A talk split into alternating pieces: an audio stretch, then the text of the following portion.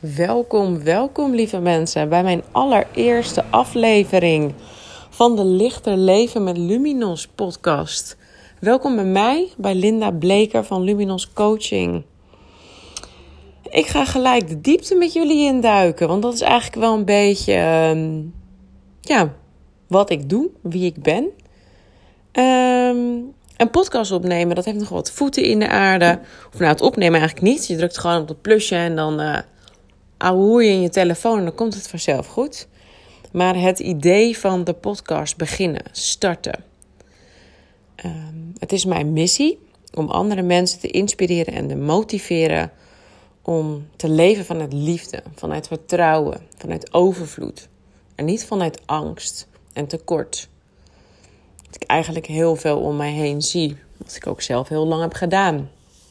En ja, als dat natuurlijk je missie is, dan kan je dagboeken volschrijven. Maar dat draagt natuurlijk niet bij. Um, daaraan, zo bereik ik anderen niet. Dus direct kwamen bij mij de gedachten op van... maar wie ben ik nou om dit te vertellen? En wat heb ik dan eigenlijk te vertellen? En is dat niet al verteld? En zijn er niet al andere podcasts die hierover praten? En toen dacht ik, ja, ongetwijfeld wel. Maar ik maak ook de keuze om de een te luisteren en de ander niet. Ik zag bijvoorbeeld van de week dat er, ik weet niet hoeveel podcasts zijn over de Law of Attraction, over de wet van aantrekkingskracht. En toch zijn er nog superveel mensen die er niet bekend mee zijn, die er wel bekend mee zijn, maar die er niks van weten, die er niks van begrijpen. En toen dacht ik, ja, te veel, te veel bestaat niet. Jij, degene die nu luistert, jij bent gewoon mijn publiek.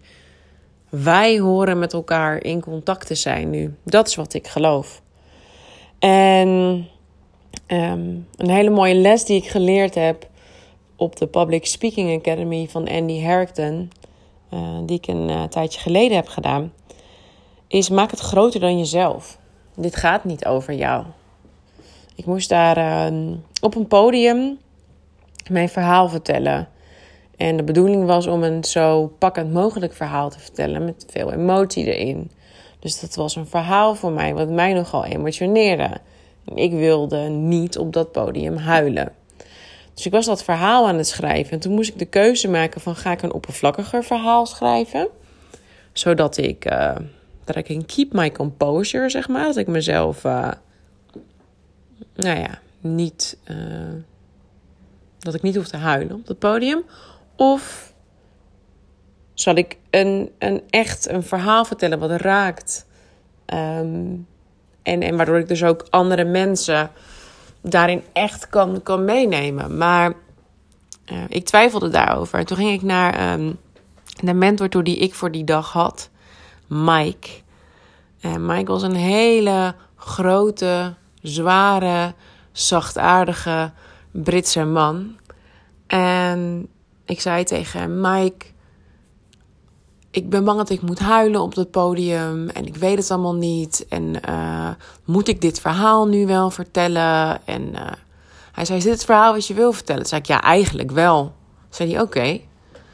En toen zei hij tegen me: Linde, it's not really about you, is it? En dat is gewoon mijn mooiste takeaway van die hele vierdaagse geweest.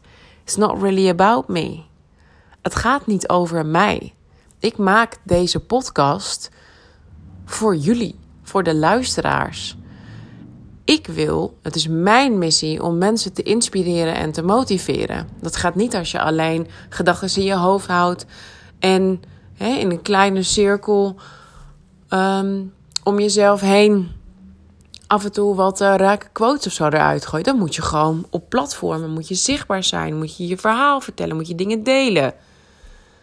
Oké, dus vandaag is de dag dat ik dacht: ik heb te veel informatie, te veel verhalen, ik ken te veel inspirerende mensen in mijn omgeving. Die kan ik de wereld gewoon niet onthouden. Die kan ik jullie luisteraars niet onthouden.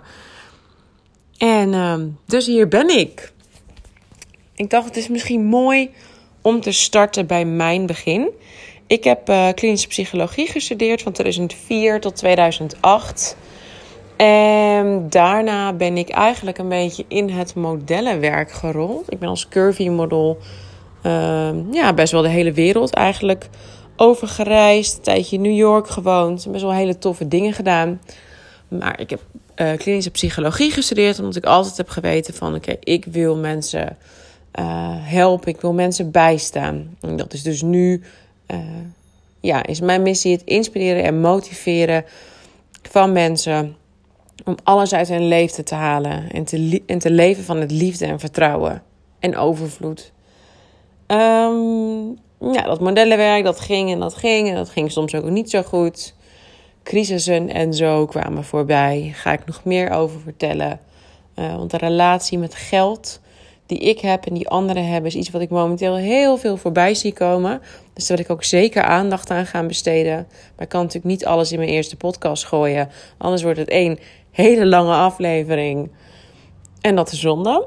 Want ik moet twee keer in de week.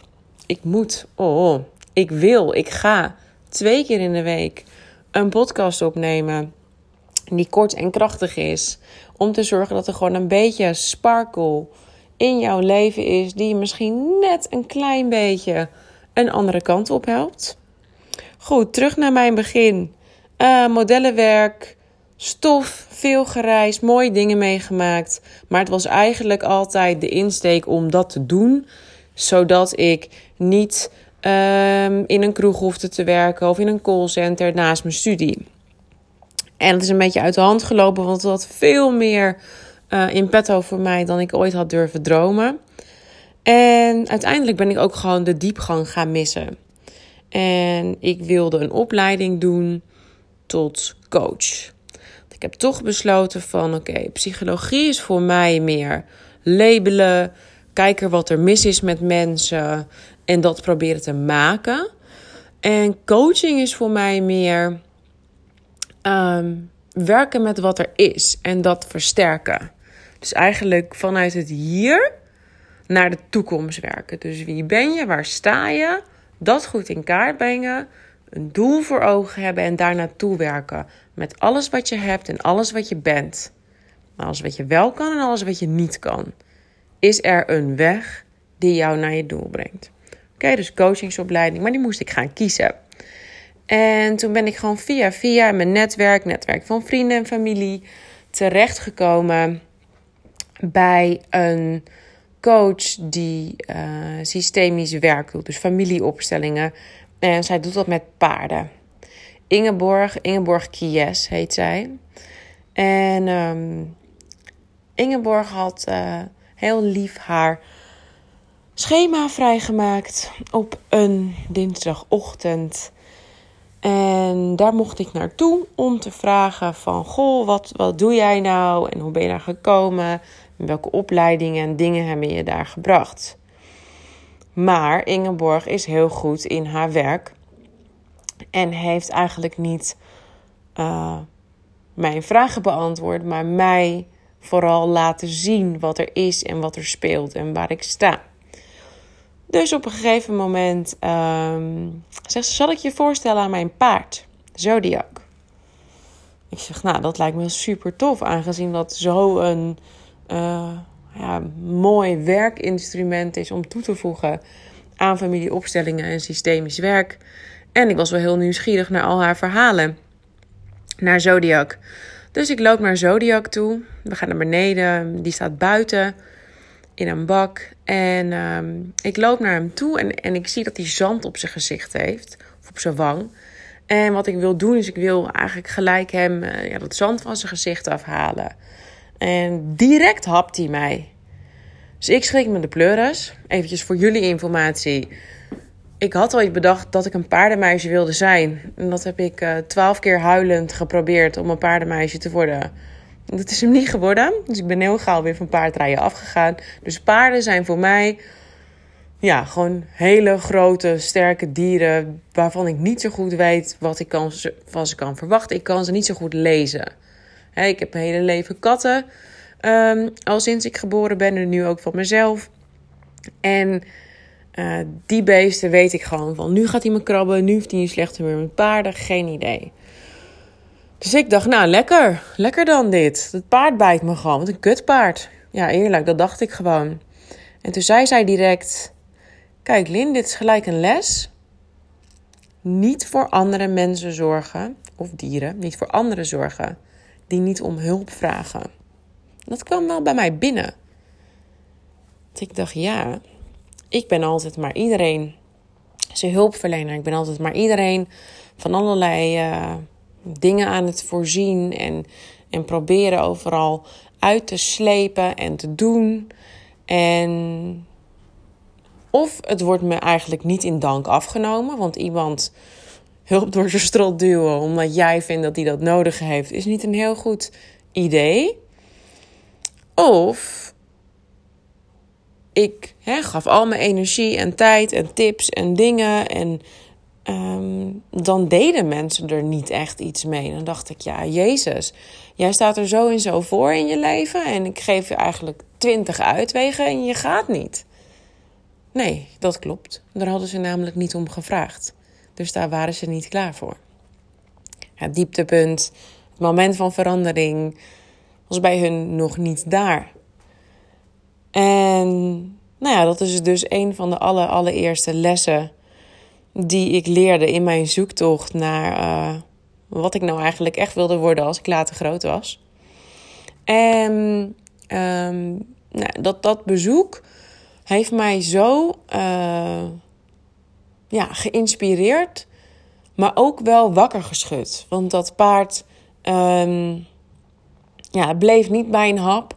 Die heeft gestijgerd en uh, nou, een hele hoop herrie en kabaal gemaakt. En toen zei ze van, uh, hmm, hij uh, weerspiegelt meestal wat er in zich, wat, wat in, in jou zich afspeelt.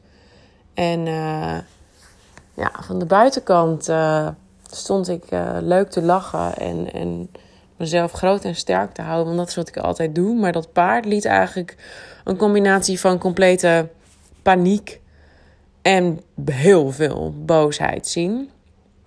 En um, ja, ben in de war naar huis gegaan daarvan. Ik dacht, shit, nou ben ik nog steeds niet welke opleiding moet doen. Maar aan de andere kant dacht ik, nou, er is eigenlijk misschien nog wel eerst wat werk te doen. Dus um, ik ben naar huis gegaan en ik heb uh, met mijn man Thijs dit allemaal uh, besproken en het een beetje laten sudderen. Wat vriendinnetjes van, oh god, jezus, nou, ik dacht dat ik een opleiding uit ging kiezen. Wat is mij hier gebeurd? Lang verhaal kort. Ik ben uiteindelijk een tweedaagse bij haar gaan doen, een tweedaagse workshop. En ehm, dat was met een groep vrouwen, we waren met z'n achten. En dat ging over je boosheid een plek geven en um, grenzen leren aangeven. En allemaal van dat soort dingen. En ergens zat ik nog steeds in een soort van, ook in, in de rol van professional. Van nou weet je, ik ga dit gewoon doen. En ik zie wel wat het me brengt. Maar anders dan kan ik dit in ieder geval gaan geven aan andere mensen. En, want ik dacht eigenlijk toch nog steeds ergens dat ik het misschien wel niet zo heel erg nodig had. Ik dacht, ja, ik ben eigenlijk wel krachtig en sterk en uh, stoer. En ja, oké, weet je, misschien ben ik een beetje boos op mijn ex. Maar goed, was ik een lul, weet je. En uh, waar gaat het nou eigenlijk allemaal over? Maar toch had ze mijn nieuwsgierigheid wel gewekt. En ik dacht, misschien kan ik dan wat zij kan als ik klaar ben. Dus ik ben er eigenlijk meer een beetje als hulpverlener, als ondernemer of zo ingestapt. En uh, mijn mooiste wake-up call uit dat, uh, uit dat weekend um, wil ik eigenlijk met jullie delen hier vandaag. Op een gegeven moment uh, hebben we eigenlijk pauze gehad. En we gaan, we hebben boven van alles besproken in het kantoorgedeelte. En we gaan terug naar beneden om, om daar weer met het paard aan de slag te gaan. En allerlei problemen op te stellen um, van allerlei mensen in de groep. En we staan op een gegeven moment buiten, een uurtje of zo. En ze zegt van, nou, heeft er nog iemand trek in koffie of thee? Dus ik zeg tegen haar, in mijn hoofd, ja, dat wil ik. Maar zij laat mij zien wat ik daadwerkelijk zeg. Zij zegt: Ik wil. Wie wil, wie wil er nog wat drinken? En ik antwoord dus met: Ja, ehm, ik wil misschien nog wel even een heel klein kopje koffie of thee halen. Als dat oké is. En zij spiegelt dit direct aan mij terug. Zij zegt, ja, misschien nog wel, als het misschien mag, een heel klein kopje koffie of thee halen. En toen dacht ik, shit, dit is hoe ik dus communiceer. In mijn hoofd dacht ik, yeah bitch, get me coffee. Maar in de werkelijkheid kwam dat eruit. Toen dacht ik, hmm, nou, dat is niet echt hoe een zelfverzekerd iemand die dicht bij zichzelf staat, uh, besluit om koffie te gaan halen. Dus een weekend met, ze zei, je bent een volwassen vrouw hè? Je hebt gewoon uh, goed betaald voor dit weekend en uh, je mag doen wat je wil. En ik vraag of je koffie wil. En uiteindelijk steekt ook nog een andere dame haar hand op. Die zei, ja, ik wil eigenlijk ook wel thee. En toen zei zij ook heel mooi, uh, Ingeborg, van... Nou, dit gebeurt ook heel vaak in vergaderingen. Dat mensen... Uh, dat één iemand op een gegeven moment... die zegt dan van, ah, ik hou het niet meer, ik, ik ga naar de wc. En dan ineens staan er gewoon twee, drie, vier anderen ook nog op... om naar de wc te gaan. Dus eigenlijk zitten er gewoon allemaal volwassen mensen... in een, in een kamer uh, met elkaar een meeting te hebben. En ga je gewoon dus een half uur je plas ophouden totdat iemand anders dan gaat. En dan besluit jij dat je dan toestemming hebt om ook te gaan. Wat maakt dan dat je niet zegt van... Uh, hey, luister... Uh, heel eventjes, ik ga even naar het toilet. Ik ben zo terug. Wat maakt dat jij wacht tot een ander gaat... waarmee jij toestemming krijgt om naar het toilet te gaan. Ik bedoel, het is niet iets wat je uiteindelijk niet kan doen of zo. Dus dat soort dingen. Toen dacht ik, ja man, dat is eigenlijk. Ik dacht dat ik heel erg duidelijk was. Maar eigenlijk ben ik helemaal niet zo duidelijk.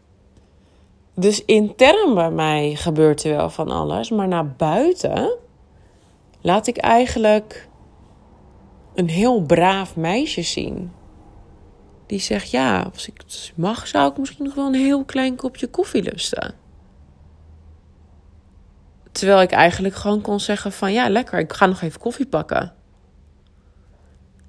En dat was voor mij echt een, een soort van inzicht waarvan ik dacht: shit, ik doe dit op veel meer vlakken in mijn leven. Ik ben steeds maar toestemming aan het vragen van anderen. En me eindeloos aan het uitleggen, aan het spreken in metaforen. Noem het maar op. Terwijl ik eigenlijk gewoon veel korter en bondiger kan zeggen wat ik wil. Maar wat ik wil, zou wel eens oncomfortabel voor een ander kunnen zijn. Die ander die zou teleurgesteld kunnen raken of boos. En dat wilde ik eigenlijk altijd ten aller tijde vermijden. Want hè, wat, wat wil ik dan op zo'n moment? Wat is er dan onprettig aan? Er staan zeven andere vrouwen en een begeleider. En die moeten dan op mij wachten als ik koffie haal. Maar op zich wordt gewoon gevraagd wie wil er nog iets drinken. Dus de begeleider die zegt gewoon: als je nog iets wilt nuttigen, is nu de tijd. Dus zelfs als ik al toestemming krijg, dan nog vind ik het moeilijk om mijn eigen behoeften kenbaar te maken aan andere mensen, omdat ik bang ben dat het niet strookt met hun behoeften. Ik denk dat dit gewoon een hele mooie um, ja, introductie is en wie ik ben en wat ik doe en waar ik vandaan kwam. En um, ik hoop dat dit misschien bij jou wat herkenning heeft opgeleverd. vraag jezelf eens af van in hoeverre ben ik eigenlijk eerlijk en duidelijk over wat ik wil? Sta ik als eerste op in een vergadering om naar het toilet te gaan? Of durf ik pas als er drie collega's zijn gegaan?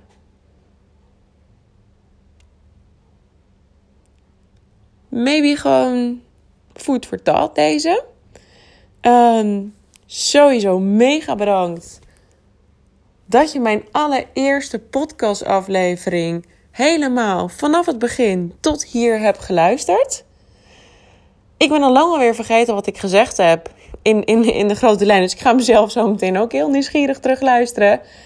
En um, nee, thanks man. En ik hoop dat dit voor jou een stukje herkenning heeft meegebracht. Dat je denkt, ja shit, dat heb ik ook.